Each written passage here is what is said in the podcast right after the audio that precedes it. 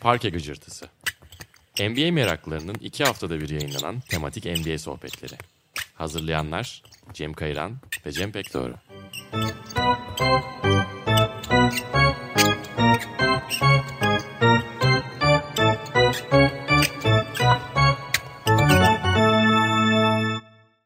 Parke Gıcırtısı'na hoş geldiniz. Ben Cem Kayıran. Cem Pekdoğru ile birlikte bir kez daha sezon açma girişimlerindeyiz. Bu sefer olacak. Bu sefer olacak. Geçtiğimiz sefer ikinci sezonu başlattığımızda hem dünya buna hazır değildi hem Cem Pekdoğru'nun komşuları buna hazır değildi ve Doğru. artık aynı stüdyoda buluşabilerek, konuk alabilerek yeniden bir start verdik diyelim. Evet. Konuk avımızda da çok uzağa gitmedik. Yine sevdiğimiz ve ilk sezonda çok Buğra'yı hangi bölüme nasıl konuk alabiliriz diye konuşup sonra beceremediğimiz Buğra Balaban. Yanımızda Buğra. Hoş geldin. Selamlar Teşekkür baylar. ederiz. Ne mutlu daveti almak. Kurdeleyi seninle kesmek istedik gerçekten. Benim çok heyecan duyduğum bir final yaklaşıyor. Aslında yani herkes bu sezonun ne kadar planların dışında gittiğini ve sene başında kimsenin bir Phoenix Bucks finalini oynanacağını tahmin etmediğini biliyorum ama ikisi de benim çocukluk yıllarımdan beri sempati duyduğum, hani batıda Hı hı. birini, doğuda birini seçeceksem öne çıkardığım iki takım. Ben heyecanlıyım ama birazcık nasıl buraya geldik, nasıl böyle bir finalle karşılaştık bunu konuşalım. E, bu olağanüstü sezonun olağanüstü finali özel bir bölüm hak ediyor dedik. Aslında normalde hep bir tematik çerçevede geçmişe dönüyorduk ama bu sefer gerçekten Bucks Suns finali. Bu takımlar bizim kolektif hafızamızda neler ifade ediyor? Hangi takımları iz bıraktılar? Sonuçta şöyle de bir durum var. Şimdi hızlıca bir matematik yapacağım. Phoenix Suns 28 yıl sonra burada olacak. Hı hı. Milwaukee'de 47 yıl sonra. Ve iki takımın da bu sezona gelinceye kadar toplam 4 NBA finali ve 1 şampiyonluğu vardı sadece. O da 71'de malum Karim Abdul-Jabbar'lı Milwaukee Bucks'ın aslında kulüp tarihinde ilk Evet. 3 sezonunun ardından aldığı ve bir daha da hiç oralara yaklaşamadığı bir şampiyonluk. O yüzden tabii ki Bucks ve Suns insanların finalde görmeyi bir yabancıladığı bir eşleşme. Nasıl bu noktaya geldik hakikaten? Yani burada sezonu en yakın takip eden tabii ki Buğra. Yani ne, ne noktadan sonra bunu beklemeye ve makul bulmaya başladık? Yani bence hala aslında playoff'un ilk turlarından itibaren de çok normal karşılanmazdı gibi. Yani işte Suns evet etkileyici bir ilk tur oynayarak geldi. Hani Bucks tabii ki ayrı bir konu. Onlar birkaç yıldır sonuçta o zirveyi hedefleyerek geliyorlardı ama Suns'dan hala bence yani ilk turdaki Hı hı. galibiyetin ardından bile şüphe duyanlar vardı. Ama biraz daha büyük resimde bakmak gerekirse ya ben burada Kayran'a katılıyorum. Yani çok mutsuz olunacak hani böyle Amerikan basınında da şey var ya bu lig için çok kötü falan. Hani o Önder Savcı bakışa çok yani gerek yok gibi geliyor bana zaten. Hani aslında Amerikan spor modelini işte övülmesi keşke burada da olsa ama olamıyor gibi Hı hı. Avrupa'ya dair hep o sızlanışların temelinde zaten bu Evet hiçbir zaman %100 adil değil hiçbir şey ama biraz daha güç dengesinin doğru planlarla, doğru yönetimlerle belli bir seviyede tutulabileceği gerçeği üzerine. Ve dediğin gibi yani tarihlerinde sadece bir şampiyonluk olan iki kulübün de aslında doğru yapıyla, doğru planla bir noktaya gelebileceğini gösteriyor. Bucks bunu zaten işte bir 5 yıla yakın oldu herhalde. O Evet. seviyeye doğru adım adım Yanis'in kaslarıyla beraber büyüyen bir yolculuk oldu. Suns da yine aslında evet Chris Paul eklemesi ayrı bir konu ama onun dışında işte Booker olsun, Aiton olsun ki çok şüphe edilmişti Aiton'dan. Bu sezonun ortasına kadar bence hala playoff'ta Evet. bir zaaf olabileceği konuşuluyordu. Oralara rağmen üzerine Cam Johnson'ı yine ekleyebiliriz, Michael Bridges'i ekleyebiliriz. Doğru seçimlerle aslında üzerine koya koya geldiler Hı hı. ve o aslında bence modeli doğrulayan bir konu olarak da hani NBA ofisini çok mutsuz etmiyordur bence bu gidişat. Onlar açısından hani işte Supermax'ler olsun şunlar bunlar olsun hani o küçük market takımlarının şikayetleri Hı hı. yıllar yıla zaten çok anlatıldı NBA'de. O yüzden de hani onların biraz daha yıldızlarını tutabilmek adına teşviklere ihtiyacı olduğu hep konuşuluyordu. İşte biraz o Supermax'le beraber yani Yanis tabii ki ekstra Hı hı. bir örnek, ekstra sadık görünen bir süper yıldız. Her yıldızdan bunu bekleyemeyiz Anthony Davis örneğinde gördüğümüz gibi ama doğru taşları etrafına koyduğunuzda, doğru yapılanmayı yaptığınızda onları da o ufak şehirde Milwaukee'de tutabileceğinizi göstermesi anlamında bence League Office'ini mutlu eden bir final olacak. Ama reytingleri merak ediyorum gerçekten. Evet ama ya evet tabii ki yani bir Los Angeles bir New York olmayacaktır ama bilmiyorum ya yani uluslararası izleyici de artık özellikle final aşamasına geldiğinde çok ciddi bir belirleyici NBA Hı. için ve o konuda bence biraz da söyleyeyim eksi artısına gelecektir gibi geliyor bana. Yani uluslararası izleyici demişken benim tahminlerim Cem Pekdoğru'nun yıllar sonra bir final serisini canlı canlı takip edeceği yönünde. O kadar da abartmayalım ya. Final Bilmiyorum, bu serilerini playoff'larda izleriz. maç izledin sonuçta. Yazıştık bir maçı izlerken. İnanılmaz bir deneyimdi gerçekten. Ya ben Buraya şey konusunda katılıyorum yani birazdan Milwaukee'de takım olarak gelişen ve biraz daha o planladığı gelişmeyi kat eden bir yol vardı ve o yolun sonunda yani 2021'de Bucks finalde görmeyi bekleyebilirdik ama bence hem Nets serisinde hem de Hawks serisinde aslında daha kötü oynayan taraf olduğu söylenebilir. Birçok otorite yani Nets'te işte sakatlıklar ortaya çıkmasaydı. Hawks tabii biraz Hawks'un overachieving durumu da böyle biraz şey yaratıyor bence bir haksızlık yaratıyor Bucks tarafında ama yani öyle bir final oynayacak oyun ağırlığıyla gelmemesiyle belki biraz hani sürpriz oldu ama ya Suns bana mesela dün gece şeyi hatırlattı. Biraz düşündüm böyle takımları. Hedeflediğinden önce kendini orada bulan. Mesela Dwayne Wade'in 2006'daki finalleri geldi aklıma. Yine Wade'in 3. sezonuydu ya da tabii 3. sezonuydu. Şimdi Booker'ın 6. sezonu falan oldu ama yaş olarak aynı yerlerdeler. Çünkü markette 3 sene kalmıştı Wade. Booker tek senede geldi aşağı yukarı aynı yaştalar. Ve orada bir anda işte bir Shaq takası kucağına düşmüştü Miami'nin. Daha doğrusu Pat Riley'nin de bir vizyonuyla. Burada da Chris Paul aslında yani normalde o büyük pazarlardan kolay çekilecek bir oyuncu değildi Houston'da oynarken örneğin. Hızlı bir şekilde değeri düştü ya da o kontrat oyuncusu olmadığı düşünülmeye başladı ve bu sezonda tekrar bir hani küllerinden doğduğu sezon oldu. Yaşı da Benim çok ilerledi. biraz uzaktan takip ediyorum ama Paul'un gerçekten oyuncuları diyorsun ya Aiton ne olacak nasıl Hmm. olacaklarda yani o takımı bence bir topluca bir ayağa kaldırdı ve şey anlamında da yani büyük pazar takımı küçük pazar takımı evet hep konuşulur. Yani 2010'lardan sonra bu süper takımların oluşması ve bu süper üçlü dörtlü kombinasyonların da genellikle New York, Miami, Los Angeles'ta bir araya gelmesiyle ya da Houston'da tekrar böyle küçük market dediğin gibi mutsuz olmaya başlamıştı ve mesela bir Spurs örneği vardı her zaman. Bir de işte Sam Preston dehasına atfedilen draft'ten süper yıldız alarak giden Thunder vardı ki onların bile hani o üçlü olarak Westbrook, Durant, Harden olarak bir tane final ziyareti oldu ve hemen sonrasında Harden'ı gönderdiler. O dörtlüyü bir araya tutamadılar. Tabii de işte işin içine lüks vergileri hep giriyor. Küçük pazar takımlarından bahsettiğimizde. Suns bunu çaktırmadan yaptı gerçekten. ilk beşin en önemli üç parçası yani Chris Paul'un yanındaki kendi draft pickleri ve işte dediğin gibi bazıları beklenen çizgide hemen o gelişimi göstermedi Aiton gibi ama bu noktaya bir final çekirdeğiyle geldiler. Draft ile yapı inşa etmenin hala yapılabileceğini gösteren iyi bir örnek oldu gerçekten. O anlamda dediğin gibi Adam Silver o açıdan mutlu olabilir. Biraz orada Chris Paul'un hani çok nasıl söyleyeyim üzerinin çizilmesi diyelim tırnak içerisindeki şeylerde iki etmen vardı bence. Birincisi Rockets'ta da gördüğümüz yani sürekli o kritik aşamada sakatlanması yani vücudun o iki günde bir maç yoğun playoff sertliği noktasında bir yerde sizi yarı yolda bırakacağı inancı. Bir ikincisi de tabii ki işte kontratı çok acayip bir kontrattı ve o kontratı taşıyabilecek takımların ikinci, üçüncü yıldızlarla yeterli kadroyu sunamayacağı düşüncesi ve ona paralel olarak da Batı'nın aslında yani kağıt üzerinde baktığında Lakers'ın, Clippers'ın hakikaten çok dolu kadroları Hı hı. var ve o 40 milyonu, 44 milyonu Chris Paul'a ayırdığın bir kadroyla zaten onlarla yarışamayacaksın. Hemen şampiyonluğu hedefleyemeyeceğin için. Evet, yani hem boşa nafile bir çaba olarak görülüyordu ama bu yıl tabii işte pandemi her şeyi etkilediği gibi sezon içerisinde de yani işte Dallas'ta gördük, Portland'da gördük 3 hafta garip garip beşlerle oynadılar. Miami mesela G League'den beşlerle falan oynadı. Lakers da çok sakat. Keza öyle. Hani onların da hepsinin birleşmesiyle beraber o fırsatı iyi kullandılar. Geçen yıl Bubble'dan verdikleri sinyalleri Tam Paul'la beraber. aslında değinmemiz gerek diyecektim yoğurdular. Aynen. Yani, Orada pas atayım sana. yani geçen sene Bubble'da hani Bubble'a çağrılması bile garip karşılanan bir takımken hani orada 8'de 8'lik bir dereceyle aslında hani playoff yapamamalarına rağmen hani Bubble'da belki de hani Miami ile birlikte hani en büyük sürpriz ve damaklarda güzel tat bırakan takımdı yani. Chris Paul'un da hani geçtiğimiz yıldan da bildiğimiz gibi hani böyle genç iyi bir yapıya gittiği zaman onların hepsini yükseltebilen bir oyuncu olduğunu aslında Thunder'da da gördük. Şey Gilgis Alexander ve diğer gençlerle yaptıklarından.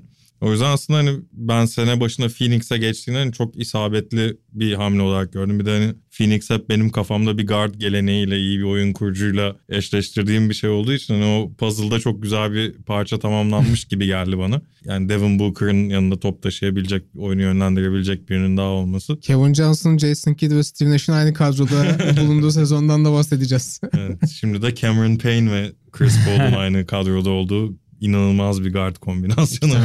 CP.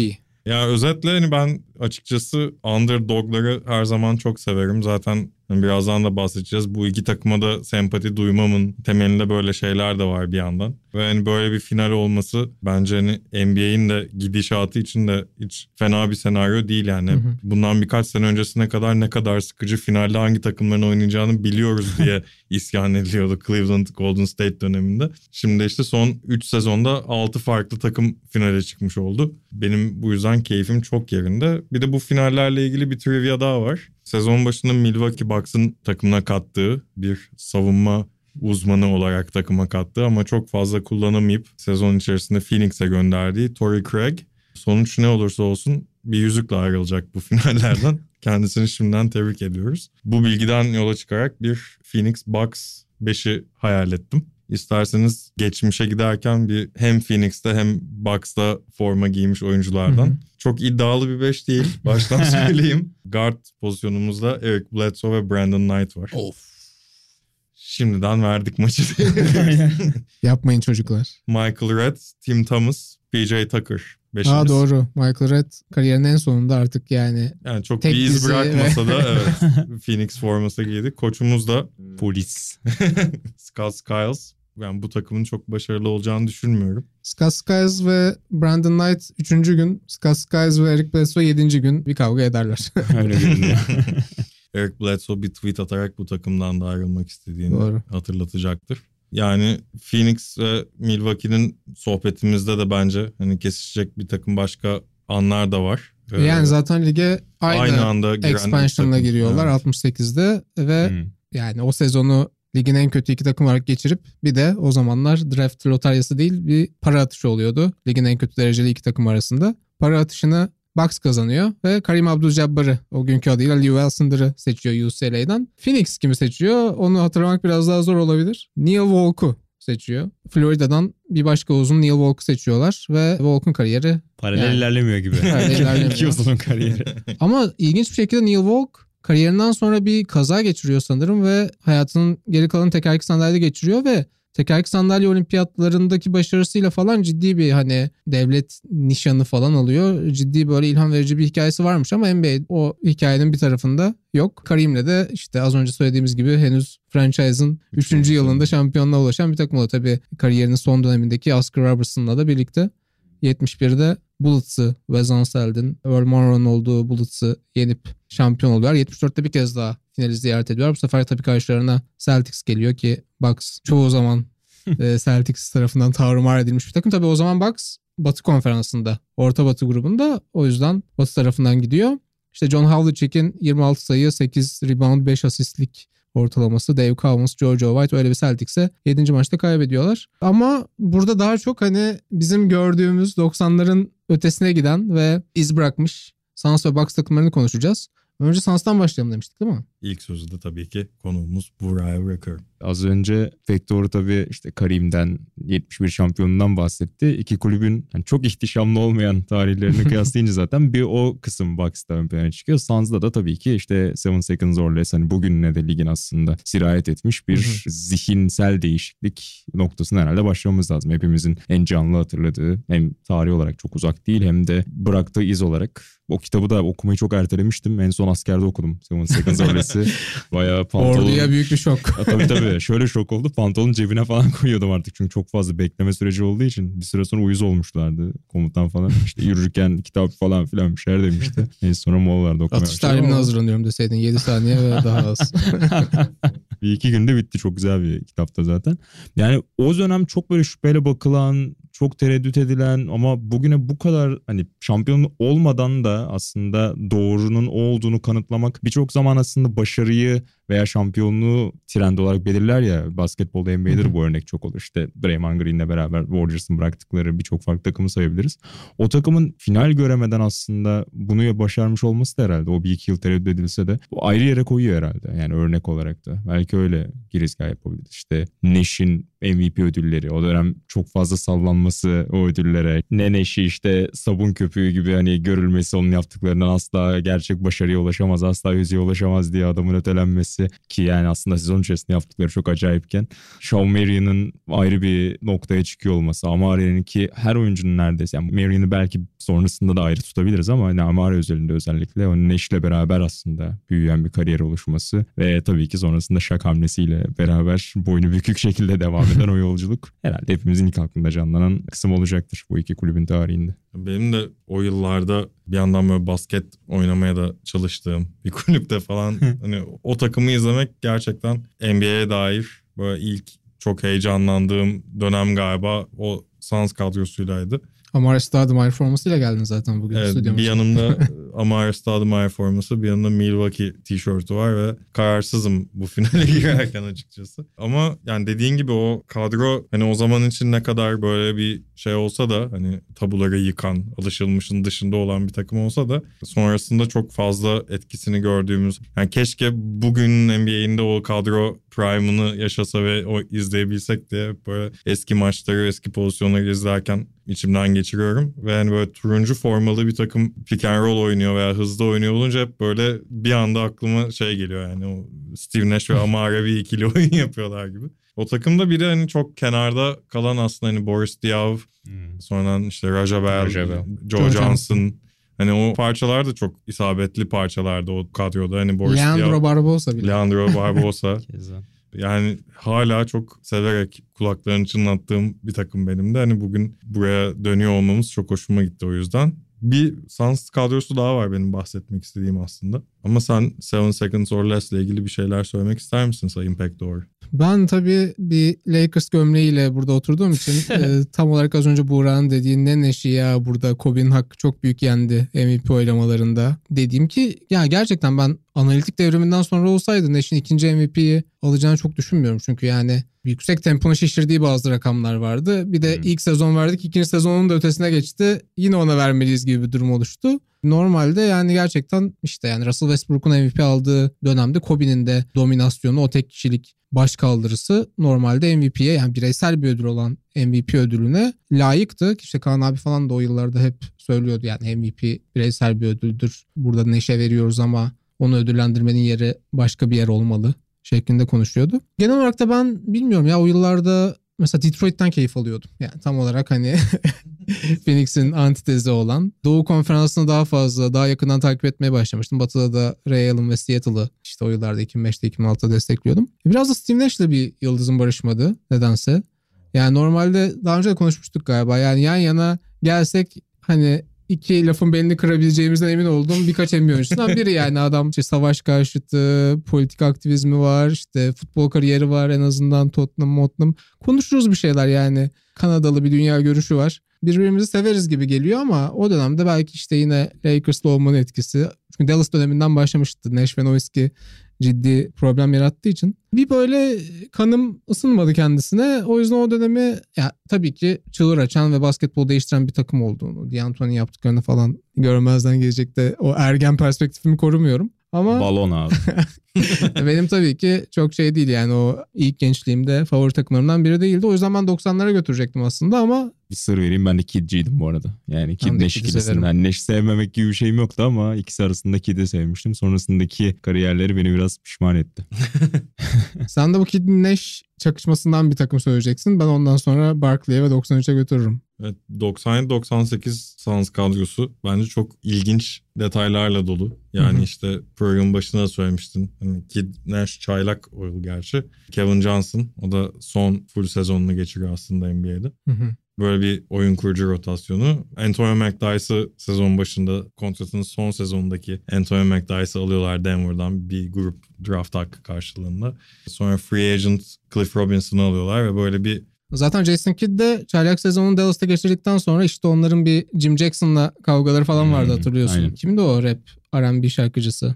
Evet bir eş durumu olmuştu Evet. orada bir partner durumu. Aliyah falan diye isim geliyor ama Yok. değil galiba. Her neyse Bakayım. onu artık dinleyicilerimiz araştırırlar. O sezon Kid'i almak için de Michael Finley ve Sam Cassell'i Evet. gönderiyorlar. Tabii Cassell biraz daha orada büyük parça gibi gözüküyor ama işte Dan Nelson'da belki bu programda yine anlarız Milwaukee üzerinden. Sihrini konuşturmaya başlıyor yani parçaları toplamaya başlıyor Michael Finley. Yanına sonra Steve Nash gelecek. Dirk Nowitzki draft'tan müthiş bir hareket olarak gelecek. Orada bir Phoenix Dallas zaten paslaşmaları çok fazla oluyor ve evet Nash ve Kidd arasında da dediğin gibi bir taraf seçme tabii tabii. gereği hissettiğimiz dönemler. Ama yani 90-98 zaten hani Nash henüz daha çaylak ve Hı hı. Jason Kidd hem All-Star hem böyle Tabii işte takımın, evet, Bir de Santa Clara Üniversitesi'nden gelmiş.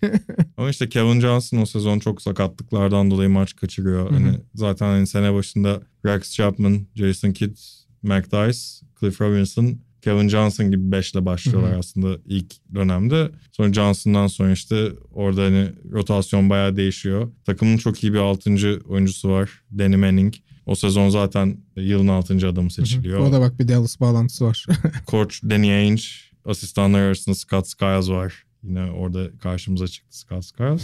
Manning çok iyi bir 6. adam olarak sezonu geçirdikten sonra sakatlanıyor ve playofflarda oynayamıyor. İlk turda 4. sıradan çıkmalarına rağmen Spurs'a eğleniyorlar. Bu takımın dağılışı bence bu takımı çok ilginç kılan Hı hı. detaylardan biri. İşte Nash takaslanıyor Dallas'a bildiğimiz gibi. Kevin Johnson emekli ayrılıyor sonra kısa bir süreliğine dönüyor. Dennis Scott bu arada sezon içinde Sabalos'la takaslanıp şutör desteği olarak geliyor All-Star arasında. O da sezon sonunda New York'a gidiyor. Antonio McDyess, Denver'dan önceki sene gelen Antonio McDyess sözleşmesi bittikten sonra tekrar Denver'a dönüyor. Bir sezon Phoenix'te oynadıktan sonra ama oradaki hikaye aslında çok ilginç. DeAndre Jordan'ın Dallas'a giderken Mark Cuban'ın yaptıklarına benzer. Dallas'a gidemediği Evet. dönemde aslında Mark Cuban'ın yaptıklarına benzer bir operasyonlar dönüyor. İşte hani Denver'dan işte Nick Van Exel işin içine giriyor. Phoenix tarafı böyle işte Rex Chapman'ın Jason Kidd'in olduğu bir kurtarma timi gönderiyor ve işte onu geri döndürmeye çalışıyor. LaFonso Ellis Denver'da o dönem oynayan imza atmadan önce Anthony McDyess'ı arayıp seni almak için beni bırakıyorlar gibi bir duygu sömürüsü yapıyor. Bir basın toplantısı yapılacağı söyleniyor. O erteleniyor. O sırada Phoenix araya girmeye çalışıyor. Böyle bir macera filmi gibi bir kovalamacılı bir gün oluyor ve sonunda Phoenix maalesef McDyess'ı elinden kaçırıyor ve geri dönüyor. Bu konuda Secret Base'in çok güzel bir videosu var. Tavsiye ederim YouTube'da bulabilirsiniz. Yani 90-98 Suns hani böyle bir sezon içerisinde de çok iyi gidip playoff başarısızlığının ardından Hı hı. böyle patır patır dökülen bir takıma dönüşüyor. 7 seconds or less dönemine kadar diyebiliriz. Bu arada Google'a yazmaya çalışırken aklıma geldi. Jim Jackson ve Jason Kidd'i birbirine düşüren o kadın Tony Braxton. Tony Braxton aynen doğru. Ben de Kevin Johnson'ın iki ayağında tuttuğu ve maçları etkileyebildiği dönemlere geleyim. İlginç bir biçimde işte benim ilk böyle baştan sona işte Kanal D'den, teletext sayfalarından, NBA Action'dan takip ettiğim sezon o lockout sezonu, kısa sezon 98-99. Öncesinde hep böyle işte denk gelip final maçı. Mesela Jordan'ın o son Utah Jazz serisinde bir maçı izlemiştim ama o The Last Shot'ın atıldığı maç değil. Ama herhalde NBA TV ile tanıştıktan sonra ilk izlediğim ve çok etkilendiğim takımlardan biri o 93 finaline çıkan Suns'tı ve Kevin Johnson'a bir sempati geliştirmiştim Charles Barkley'den ziyade. Barkley tabii ki biliyordum hani güncel olarak işte Houston'da da zaten hani Dream Team'de de etkileri olmuştur herhalde 11 yaşındaki Cem Pektor'un hayatında da. Kevin Johnson bir de gerçekten sakatlıklardan dolayı çok sahaya da çıkamıyordu o dönemde. Yani hatta 98-99 bıraktığı sezon muydu? Ya da işte sonraki sezon bıraktı geri döndü falan. Ama yani o Hardwood Classics'te Kevin Johnson'a çok etkilendiğimi hatırlıyorum. Geriye dönüp baktığımda da hani çok da hani John Stockton'lar falan varken e, neden kalkıp onu sevdin belli olmaz. Yani benim hayatımda çok şaşırtıcı gelmiyordur bir Russell Westbrook hayranının Kevin Johnson'ı beğenmesi. Belki o günlerden başlamıştır. Aslında KJ de gerçekten en az bugünlerde Westbrook'un eleştirildiği kadar eleştirilen o dönemde yani Barkley'nin sidekick olması gerekiyor ama hiçbir zaman o güvenilir el olamıyor gibi bir şey var ama geriye dönüp baktığımda kritik maçlarda genellikle satışı yapan Barkley yani. Ve şöyle bir durum var sadece. Kevin Johnson Charles Barkley'i iyi tamamlayan bir yıldız değil. O yüzden bir taking turns denen hani sırayla diye oynuyor. ya Barkley oynuyor. Hani takımın 93'te Charles Barkley ilk geldiğinde çaylak koçu Paul Westphal yine bir Suns efsanesi. Onlarda da çok oluyor. Bak Danny Ainge de öyle. Kulüpte ciddi bir kariyeri olanlar koçluğa geçiyor.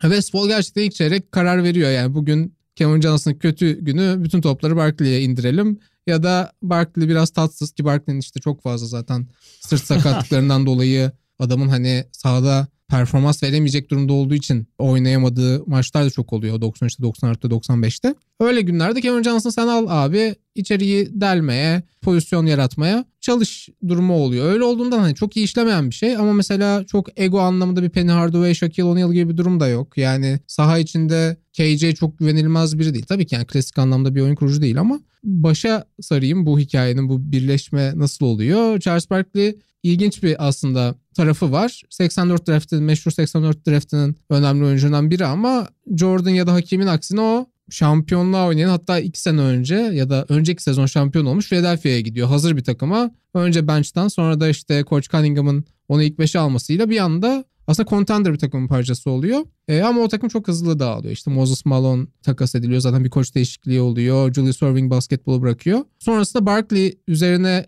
kurulu olan takım ki onun da çok iyi yardımcıları yok işte Hersey Hawkins falan var. O takım iki kez Jordan tarafından konferans yarı finallerinde de ilk turda tokatlanıyor. Sonrasında Barkley Phoenix'e geçerken aslında Phoenix de iyi bir takım. Yani Barkley o anlamda yani Lakers'tan da mesela teklif alıyor ama Lakers'tan dağılmak üzere olan yaşlanan bir takım. James Worthy'ler falan artık Byron Scott'lar bırakmak üzere.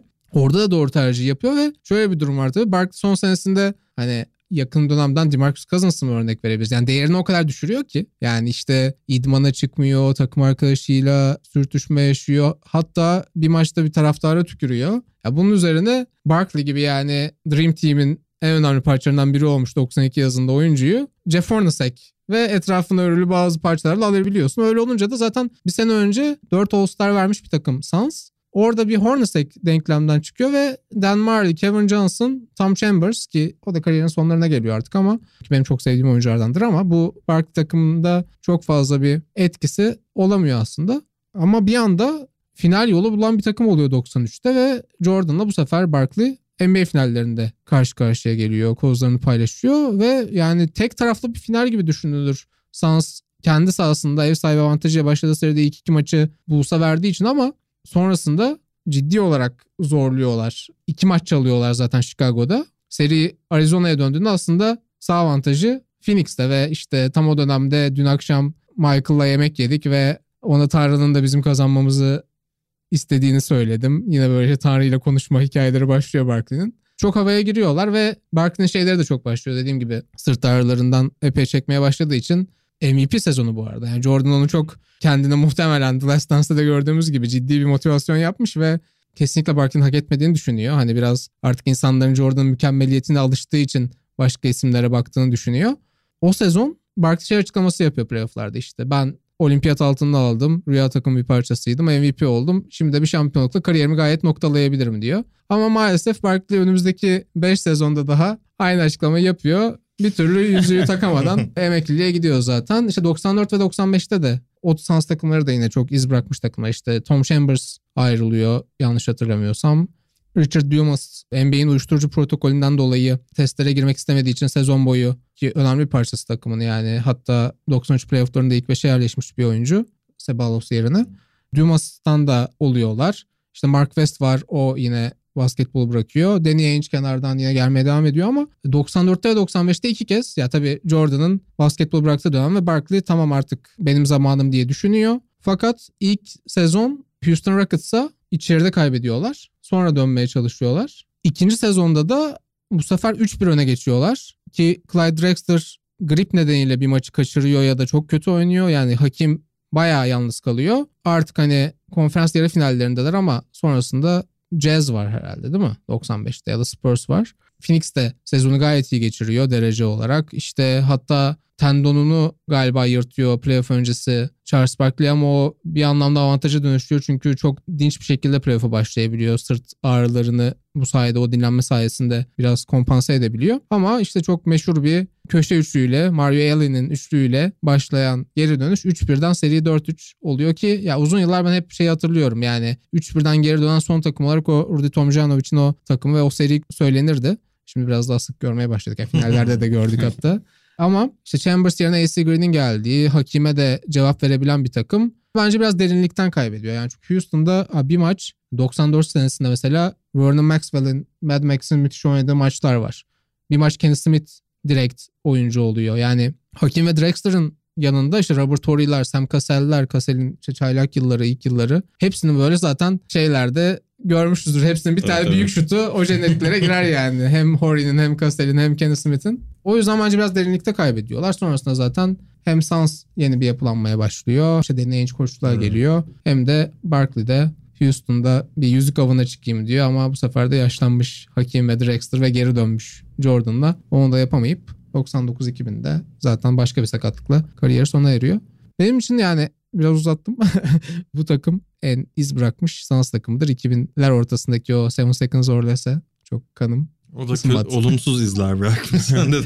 Yani evet. Bu finalle gelecek takıma kadar ki de zaten oradaki bağlantıda tek bir sezonluk böyle bir parlama var. Yani aslında bu yılki Suns için de dedik yani beklenenden önce oraya Hı hı. çıktılar diye. O 2013-2014'te garip bir 48 galibiyetli işte Goran Dragic, Bledsoe evet. falan böyle tuhaf bir takım. Yine Lan ne oldu? Aynen öyle. Aynen öyle. Jeff Hornacek koç falan hatta o da böyle Hornacek'in de çok uçurulduğu dönem koç olarak. Hı hı. Ama işte ulan biz olduk kafasına girip ertesi sezon böyle bir tık altta bir sezon geçirince çok sık düşülen bir hataydılar. Orada da yine ya biz niye şey olmadık işte problem var takımda deyip Dragic'i yolluyor. İşte Brandon Knight geliyor. Sonrasında Isaiah Thomas kaybediliyor falan derken o takım bir anda küle dönüyor ve hani aslında iyi bir rebuilding sürecine girmiş Suns'ın yine bir 3-4 sene kaybetmesine yol açan bir macera herhalde. Bender falan. Aynen aynen. Orada bir iki tane çok kötü front Felaket- office hat Felaket hamleler var dediğin gibi. Yani onu herhalde yakın dönemin en böyle tuhaf ele yüze bulaştırma hikayelerinden bir tanesi. Sans'ın Onu da şöyle anmadan tarafı da var. Yani 68'den 2006'ya kadar Colangelo ailesi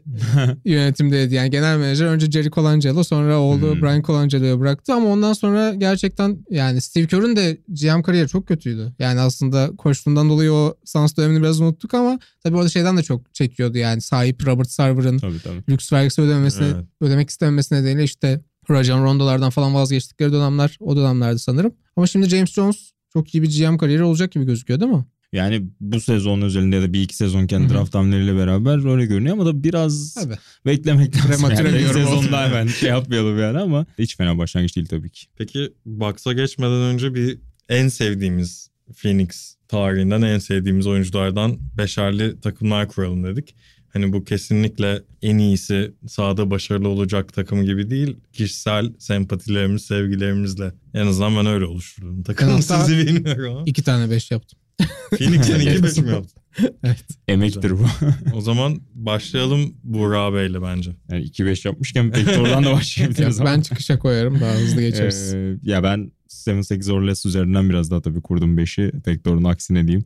yani oradan Nash, Merriam ve Amare'yi aldım. Yani Amare'ye karşı biraz böyle sevgi nefretim var açıkçası. Bazen böyle çok ya işte hani takımın seviyesi ve takımın oyun yapısıyla beraber aslında kariyerinin o kadar büyük hatırlandığını düşünüyorum ama bir yandan da izlemek hani küçükken o yaşlarda izlerken uçan falan bir adam var yani. Çok çok farklı geliyordu insana ki şu an formasına da bir kez daha bakıyorum podcast'i kaydederken. Benim de evimde posteri vardı. Yani evet o yüzden. Olu Kandil'in üzerinden vurduğumuz maç. Evet ya yani onları falan neredeyse işte NBA stüdyoda her hafta bir şeyi görünüyordu Görünüyor, yani bir yer. Her hafta bir smacı öyle olunca da tabii ki bir etki yaratıyor. Onları yazdım. Ya KJ arasında biraz işte eski okumalardan şeylerle tabii ki o dönemine çok uzun uzun izleyerek yetişmedim ama Kevin Johnson'ı işte sonrasındaki o valilik kariyeri olsun, Demokrat Parti tercihi olsun. Onunla Penny Hardaway arasında biraz kaldım. Hardaway de çok sevilmez ama Ben çok yani seviyorum. evet hani seven çok sever sevmeyeni böyle işte o biraz az önce Pektor'un da bahsettiği gibi ego olaylarıyla beraber. Ya çok... Phoenix'te bir de çok artık kadavrası gelmişti. Evet evet tabii Orlando yıllarıyla biraz daha beğenilir ama işte onun hatırına diyelim onu da yazdım. Dört numaradan yine Barkley'i yazdık ya eğlenceli baba. Yorumlarıyla bize ne şakası. Sahnesi iyidir. aynen atmıyor o yüzden dörde de onu yazdım. Ama sempati olarak PJ Tucker yazarım mesela. Yani ben bayılırım Tucker'a. Milwaukee'ye koymuşsundur belki. evet belki bakın sürpriz diyor. Brose Basket'in en iyi beşine koyarım ben tarihinde. Ya ben de seninle aynı şekilde hani temelimizde şey var. Seven Seconds or Less var. Hatta Marian'ın şut stili bana benzediği için biraz ona. bu Marian'ın şut stilini gerçekten babamla gittiğim Amerika Türkiye Abdi İpekçi'deki Hı hı. maçta babam da bu nasıl adam bu nasıl şut atıyor diye. 2004 çok- takımı. Galiba evet. Allen Iverson'ın Iverson'ın, Duncan'ın oldu. Duncan'lı takım. Stefan Marbury. Say Ee, bitmez. Lebron falan da evet. vardı çünkü gençler. Bu arada hani Stephen Marbury de Phoenix'ten guard şeyinden geçmiş Evet. oyunculardan biri. Amare'nin ilk ne denir? Ustası. Starbury. Spurs'e playoff'larda attığı buzzer Tabii. beater'ıyla. O da çok Buradan selam verelim. NBA TV'de çok izlemiştik onu da bir dönem. Benim de Buğra gibi takımın temelini Amare, Marion ve Nash oluşturmakta. Yetmedi. Şeyden Seven Seconds or Less'ten bir oyuncu daha aldım. Boris Diaw. Ha. Çok seviyorum. Yapacak bir şey yok. Yani sevgi odaklı bir takımsa Boris Diaw'ı yazmam lazımdı. Bir de günümüzdeki Phoenix kadrosundan Devin Booker bu kadroda olsaydı ne kadar iyi olurdu diye düşünerek çok gerçekten gelişimini çok heyecanla izlediğim bir oyuncu. Benim de beşimi o tamamlıyor. Koçumuz da Mike D'Antoni. Onu da naçizane belirteyim. Güzel beş. Sayın pek doğru'nun iki tane beşi vardı. Ben tamamen 2007 takım olmasın diye artık 3 oyuncu seçince diye hiç düşünmedim ama evet ben de bayılırdım. Benim koçum öncelikle Mike D'Antoni değil. Cotton Fitzsimmons. Pamuk amca. Bu espriyi sadece Çorlular anladı. O kadar e, travmalarıma gidecek ama Çorlu'nun 90'ların sonunda en meşhur sünnetçisinin adı. Pamuk amcaydı. Müthiş bir triviadır.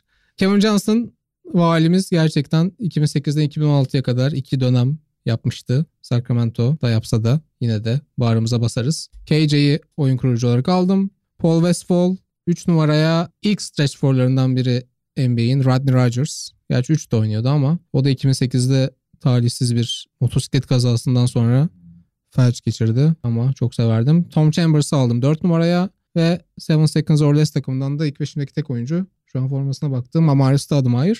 Bu arada Paul Westphal'la ilk Suns'ın final ziyaretinde de Westphal takımı yıldızı 76. Orada Celtics'e karşı 5. maçı bir yine Google'da aratmanızı öneririm. İnanılmaz yani e, o dönem şöyle bir kural var. Mola hakkın olmadığında da mola istediğinde teknik faulü alıyorsun. Rakip atış yapıyor ama top sana geçiyor ve yarı sahadan başlatabiliyorsun. Bu 3 kere falan suistimal edilmiş o final serisindeki maçta. ve maçın bitimine 2 saniye kala havlu çek maçı kazandıran basket attığını düşünüyor.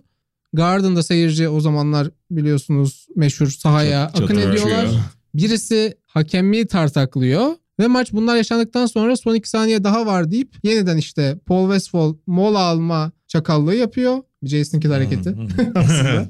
Hakem tekniği veriyor. Phoenix son topu kullanıyor ve 3. uzatmaya gidiyor. 3 uzatma sonunda Celtics maçı kazanıp sonrasında seriyi 4-2 alıyor. O maçı herkese öneririm.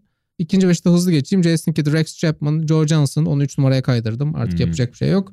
Paul Silas ve Connie Hawkins de bir Harlem efsanesi daha çok ama Evet. yine de severiz. Baba dörde kadar kaydı ya kariyer sonunda problem olmaz. Evet, Üçe bir şey kaldırır. demez. O halde finalin diğer tarafına doğudan gelen Bucks rüzgarına kapılmaya ne dersiniz arkadaşlar diye böyle korkunç bir bağlam yaptım burada. Özür diliyorum öncelikle. NBA'in üzerine doğan güneş. Burada Halim Karasu'ya ben de bir selam durmak istiyorum. Tanıdığım en ateşli ve Türkiye'de Bucks taraftarlarının sesidir. Yıllarca Batukum 6. adam da yapmıştır. O da hem TJ Ford'u hem de Brandon Jennings'i NBA'in üzerine doğan yeni güneş olarak lanse etmişti. Pek dilediği gibi ilerlemedi senaryo. Milwaukee'de de benzer bir şekilde biraz akılda kalan ki Phoenix kadar uzun bir sekans olmayacağını tahmin etmekteyiz bunun da tabii ki.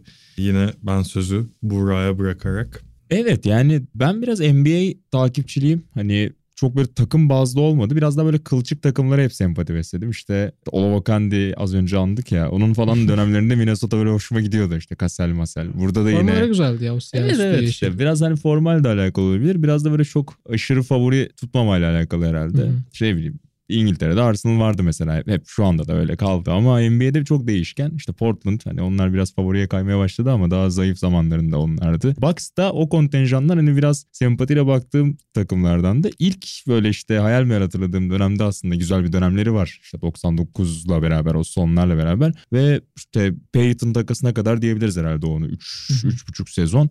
Ray Allen, Glenn Robinson, Sam Cassell bunların böyle 20 sayı civarına çıktığı maç başına o skoru 4 paylaştıkları. ve 5 numarada da ağır işçiler. Scott Williams'lar. e, işte kim vardı? Tim Anthony Thomas, Mason'lar. Tim Thomas geliyor değil mi? Tim Aynen. Thomas'ın en yetenekli olanlarından biriydi Evet, de. aynen. Genelde orada. Mesela Tim Thomas'ı bu arada severdim ya. ben Biraz çok severim. kontak kapardı ama. Evet. hani Benim bu arada beşim daha var. Benim de var. oyun oyda oyuncu şeyi olarak yani o dönem için böyle bir meziyetlik alıyordu yani. Çünkü hakikaten felaket dört numaraların olduğu dönemlerdi o. Sadece sertlik ve Şey- şey, aslında? Rodney Rogers dedim ama ilk stretch four'lardan biri Tim Thomas Tabii, aslında. tabii. Ray Allen istese en iyisi olur falan gibi işte onu böyle kamçılayacak açıklamalar yapmaya çalışmış zamanında da çalışmamış. O da liseden gelmişti yani. galiba değil mi? Tam sanki öyle bir profil var. Allah Olabilir. Tim Thomas mı? Evet. Evet evet galiba. Şey kitabından hatırlıyorum çünkü. Onu da yine askerde okudum da. Ee, Şeyin. Abramson. evet evet liseden gelenleri konuk evet. etti o hikayeler anlattı. Yanılmıyorsam orada da vardı. Neyse o takım hani biraz böyle şeydi işte çaylak Rafe Rolston falan var. Onu da oyunculuk kariyerinden çok Esay kapağıyla hatırlıyorum. Tanımadığınız en iyi point guard dünyadaki diye. Abi Türkiye'de de bütün NBA dergisi piyasasına yani Evet her ya. hafta boş sayfa mı kaldı? Rafe Rolston, Skip Milo anlat bakalım abi. O Acayip. hikayeyi 10 farklı yazardan dinlemişim. Evet evet yani oy- oyunculuğundan çok fazla fotoğraflarıyla yazılarıyla gördüğümüz bir oyuncu oldu.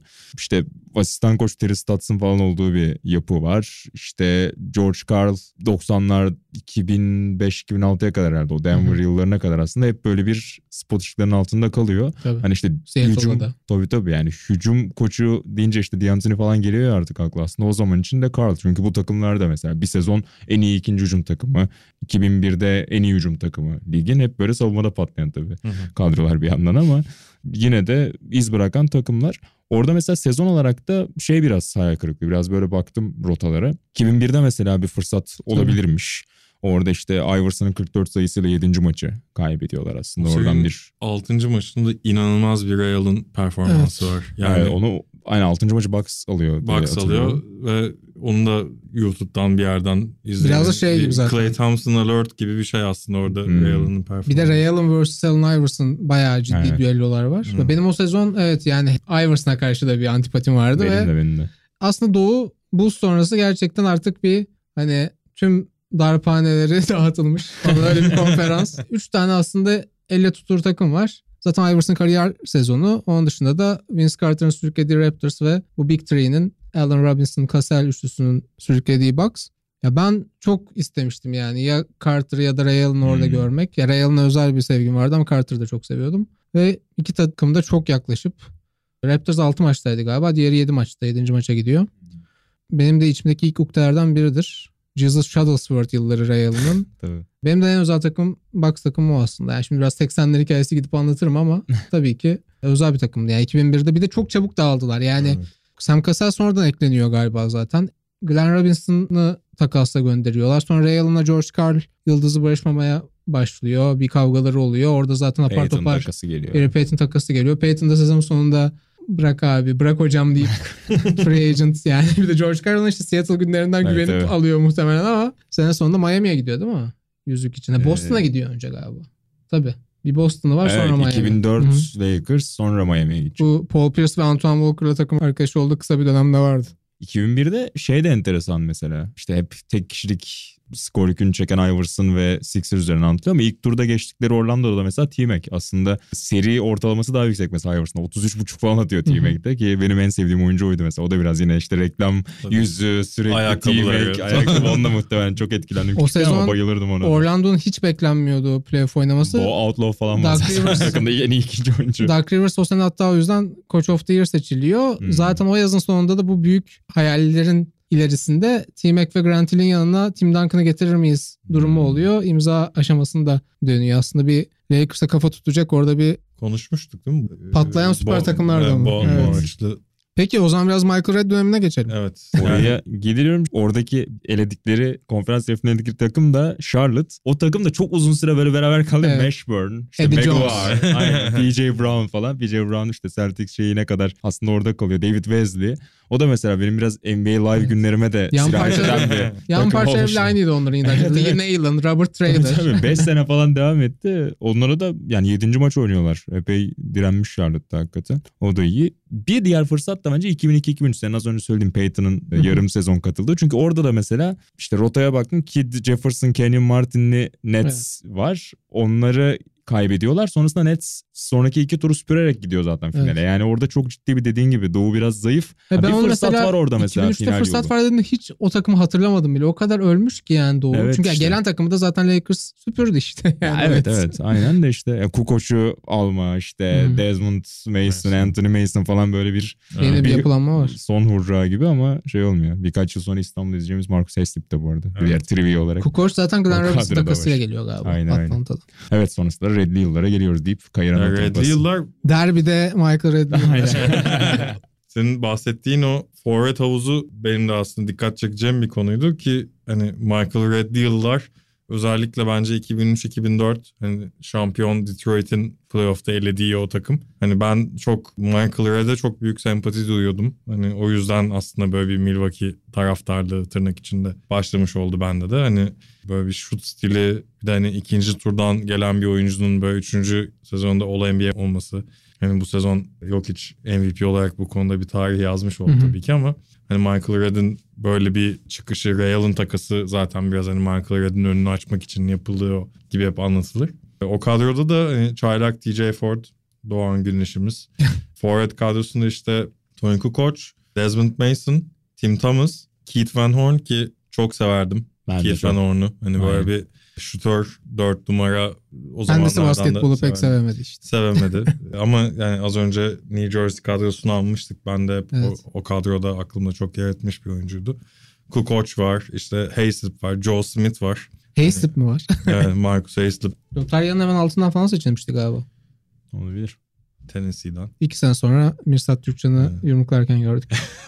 Yani o, o kadro tabii ki hani böyle çok iz bırakan bir başarısı olmuş bir takım değil ama işte hani bu Michael Redd'in sırtında hani çok o dönemde de aslında hani o pozisyonda akla ilk gelecek oyuncu da değil hani 3 guard olarak Michael Redd dönüp bakınca ama böyle sonradan da böyle bu kadar kendini Milwaukee'ye adamış Hı hı. bir kariyerin ardından hani böyle sakatlıklarla yokuş aşağı giden bir kariyer oluyor. Yani onun böyle bir akılda kalıcı bir başarısı olmamış olması. Hani Steve Nash'i hani şampiyon olmadı ama iki tane MVP'si var. Böyle Michael Redd özelinde de benim hep hani en azından biraz daha böyle ilk turun ötesine geçebilen takımlarda olsaydı playoff'ta diye hep içimden geçerim. Şey var ama bir ara ligin en net keskin şutör Evet. reputasyonu vardı. O sayede de Amerika milli takımıyla mesela olimpiyat oynadı. Evet. Çok hızlı çıkarıyor şutu. Evet, inanılmaz. vardı mesela Kaan abi. Selam Evet. olsun. Çok anılırdı dediğin gibi. Evet. Yani o da yine Seven Seconds or Less için de söylediğimiz gibi hani bugün NBA'inde izlemek isteyeceğim oyunculardan biri kesinlikle Michael Redd. Programın başına da biraz bahsetmiştik. Phoenix'te de küçük bir şey olmuş oldu. Yani o dönemden başka aklımda kalan şey de hani bu kadroya zamanla işte Ersan geldi. Hmm. işte Charlie V geldi. Charlie V'ye ne, ne kadar iyi hatırlarsınız bilmiyorum ama. Yani böyle bir... Bobby Simmons falan geldi. En iyi 6. adam seçilmişti Evet. galiba. Onlar zor yıllar geçirmişsin be Cem. Çok, yani öyle bir yani şeyim yoktu. Hani baştan da dediğim gibi hani böyle bir senin de az önce söylediğin gibi hani böyle biraz daha şansı olmadığı düşünülen daha kenarda köşede kalan takımları desteklemeyi çocukluktan beri çok alışkanlık edinmişim herhalde. Ama yani şu anki kadroda da başta hani Chris Middleton'a çok büyük sempati duyuyorum. Günümüz NBA'inde galiba izlemeyi en sevdiğim oyuncu olabilir kendisi. Michael Redd gibi o da 22 numarayı giyen bir box oyuncusu Bu da olduğu ikinci için. tur seçimi. O da ikinci tur seçimi. Yani böyle bir benim bir oyuncuda neler aradım.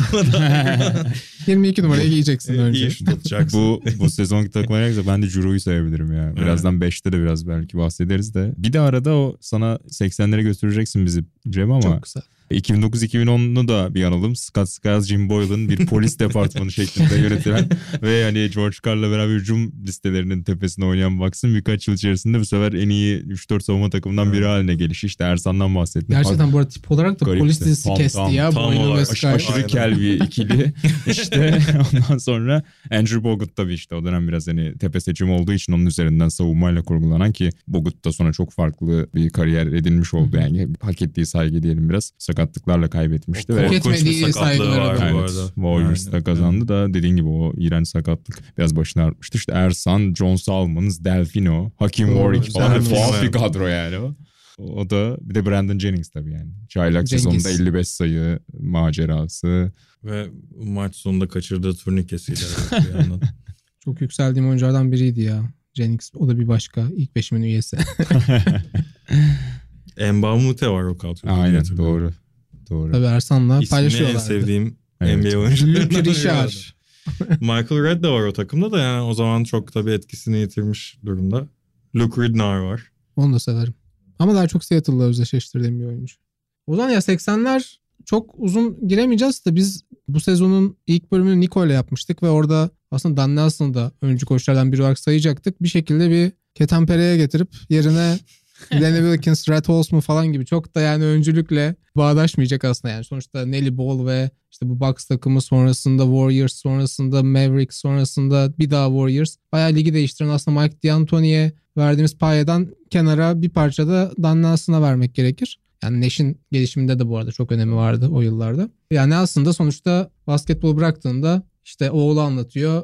Babamla oğlu da zaten işte Danny Nelson. Aşinayız oğluna da. Kariyerini bitirme kararı aldığında bir aile yemeğinde buluşuyorlar ve işte 3 opsiyon var önümde diyor. Ya araba satacağım ya NBA hakemi olacağım ki o zamanlarda biraz Erman böyle Toroğlu örnekler tarzı. vardı. evet doğru. Erman Toroğlu'nun da öncü hakemler arasında bu anlamda yazabiliriz. Ya da Larry Costello'nun asistanı olarak Milwaukee'de işe başlayacağım diyor. Bütün aile oy birliğiyle 5 kişi de sen Larry Costello ile başla diyorlar. Yani diğerleri öyle seçenekler ki işte 25 bin dolar aylıkla başlıyor.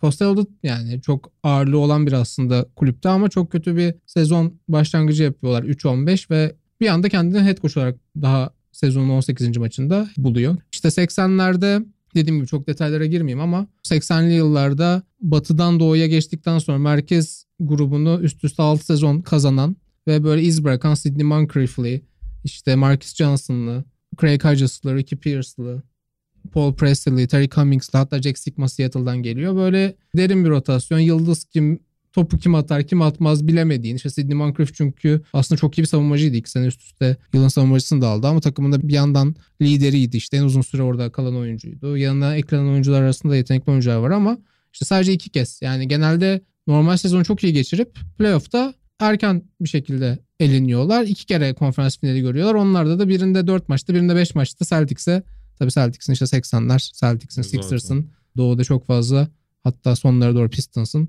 çok fazla başkalarına yer bırakmadığı bir dönem ama Danlı aslında orada rüştünü ispat ediyor. İşte sonrasında bence işte bir lakaplar bölümü yapacağız. Orada Run. TMC'den de bahsederiz Warriors'tan. Nelson'ı başka bir bölüme Nelson övgülerini bırakalım.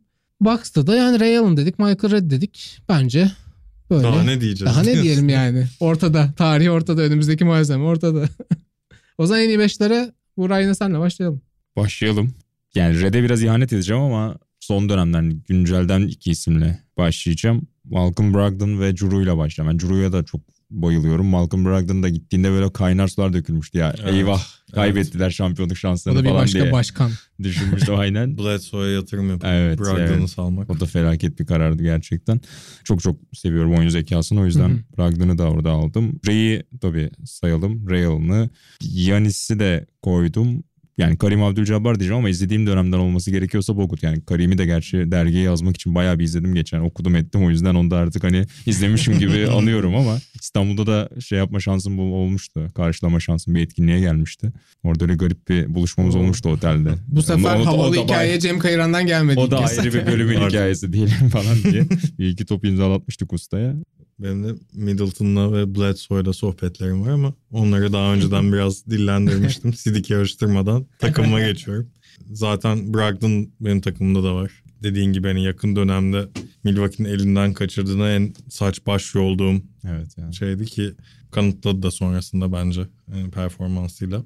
Tabii ki bu kadar bahsettik. Michael Redd ikinci guard pozisyonunda. Chris Middleton, Tim Thomas ve 5 numarada da Yannis Antetokounmpo'yu oynaması Hmm, gerektiği yere iterek. Güzel. O zaman koçu bu takımın Dan Nelson olsun. George Karl dedim ama seni mi kıracağım? George Carl olsun. ya, o da Aynen, oynadı. Koç olarak. Karl'a gitmişler.